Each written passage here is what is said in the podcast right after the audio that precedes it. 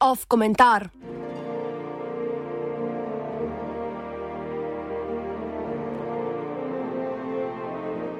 Milijonarji? Ne, prekarci.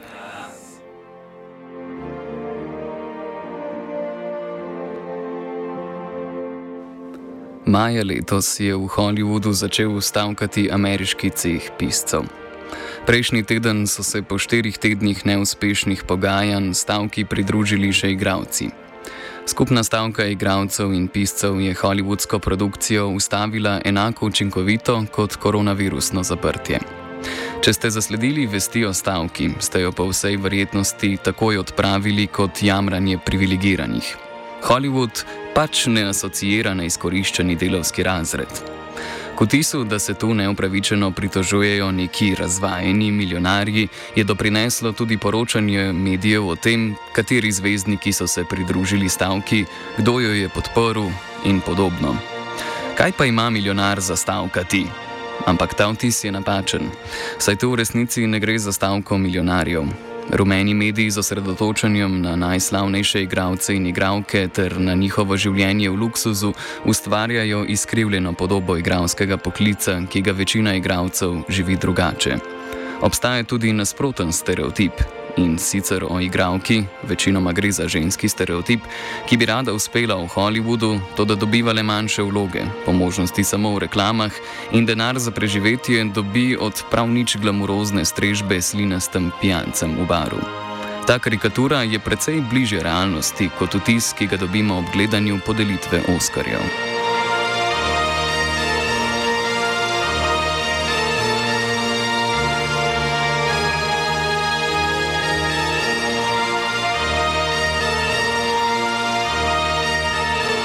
Ameriškemu cehu piscev, ki ima okrog 11 tisoč članov, se je pridružil sindikat igralcev SEG-AFTRA, ki ima 160 tisoč članov. Seveda niso vsi zvezdniki. Te lahko naštevamo na prste, ne štejemo jih v 10 ali celo 100 tisočih. Kakšen je torej finančni položaj poprečnega igralca ali pisca iz te množice? Presenetljivo slab. Poprečna plača igralcev v Kaliforniji je po podatkih ameriškega statističnega urada za delo 24 evrov na uro bruto. Ljudje s tako plačo v ameriških razmerah nimajo velike kupne moči. Poleg tega povprečje nedvomno zelo dvigajo velika imena. Boljši občutek o finančnem stanju tistih, ki opravljajo romantizirano delo v še bolj romantiziranem Hollywoodu, nam daje naslednji podatek. Minimalni letni zaslužek, ki je potreben za to, da lahko igralec sindikata SEG-AFTRA dobi zdravstveno zavarovanje, znaša okrog 24 tisoč evrov. Tako plačo ima, ima manj kot petina igralcev sindikata. Poprečna letna plača v Združenih državah Amerike je vsaj dvakrat višja. In tudi če igralec eno leto doseže ta znesek, ne ve, ali ga bo v prihodnje še.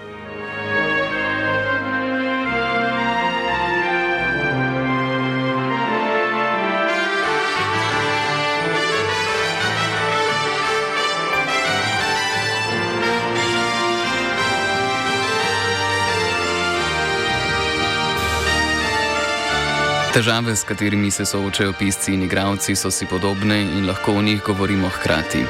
Prva so pravkar omenjene nizke plače in honorari, če nisi veliko ime in ni tvoja pojavitev na ekranu sama po sebi prinašalka denarja.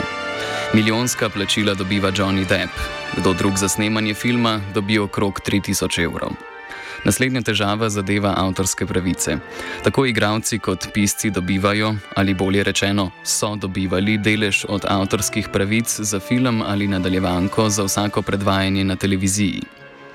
Ker je igralsko in pisateljsko delo projektno, med filmskimi in televizijskimi produkcijami, za katere so najeti, nastane časovna vrzel, preden igralec ali pisec dobi novo delo.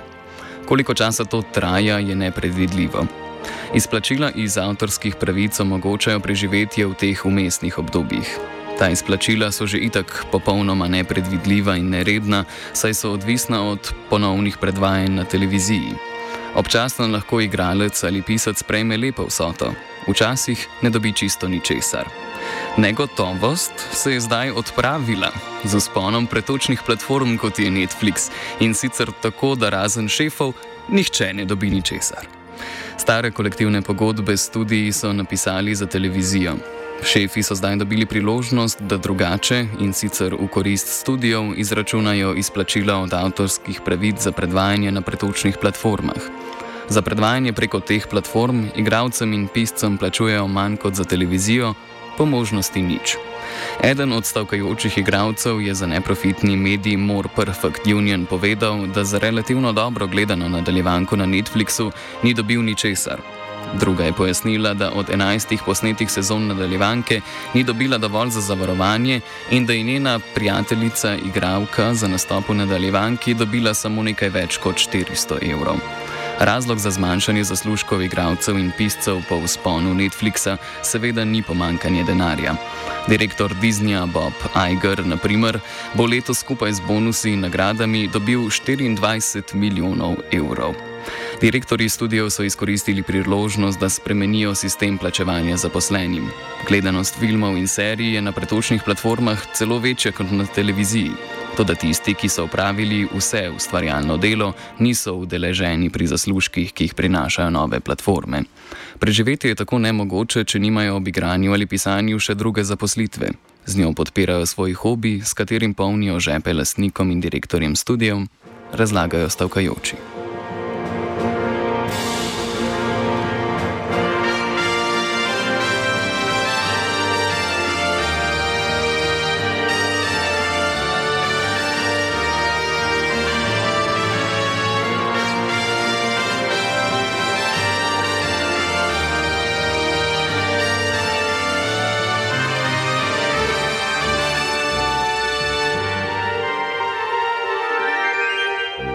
Direktori nimajo nobenega namena popustiti stavkajočim, temveč tekmujejo, katera stran bo zdržala dlje.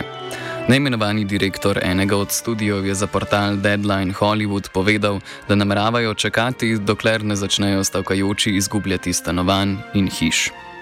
To si brez dvoma misli vsak šef ob vsaki stavki, ni pa pogosto, da to na glas prizna. Direktor Disneyja Bob Iger je zahteve piscev označil za nerealistične, je pa hkrati povedal, da so dosegli dogovor z režiserji. Pričakovanja te mnogo bolj privilegirane skupine so realistična, pričakovanja podplačanih pa pač ne. Seveda je to, za kako realistične ima direktor pričakovanja zaposlenih, odvisno od njihove moči, ne od zmožnosti podjetja. Ta razlika v obravnavi je torej še en znak deprivilegiranega položaja nezvezdniških piscev in igralcev.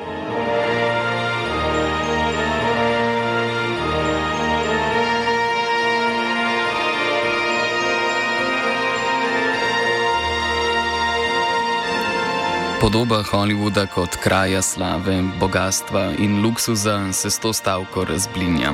Tudi bojda prestižni poklici se pridružujejo prekarjatu. Položaj hollywoodskih piscev in igralcev niti ni tako zelo drugačen od položaja drugih delavcev v kulturni industriji. Ima pa hollywoodski prekarjat še vedno en privilegij, ki ga drugi nimajo. Zvezdniška podpora, kombinirana s slovesom ameriške filmske industrije, jim je zagotovila pozornost, ki je drugi niso deležni. In ne samo pozornost domačih medijev, ampak tudi mednarodno pozornost.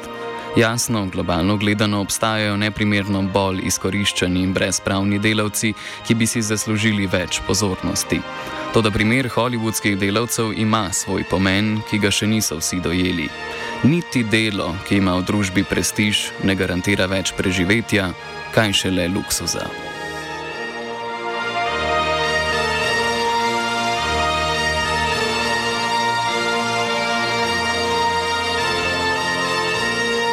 Komentiral je Matej.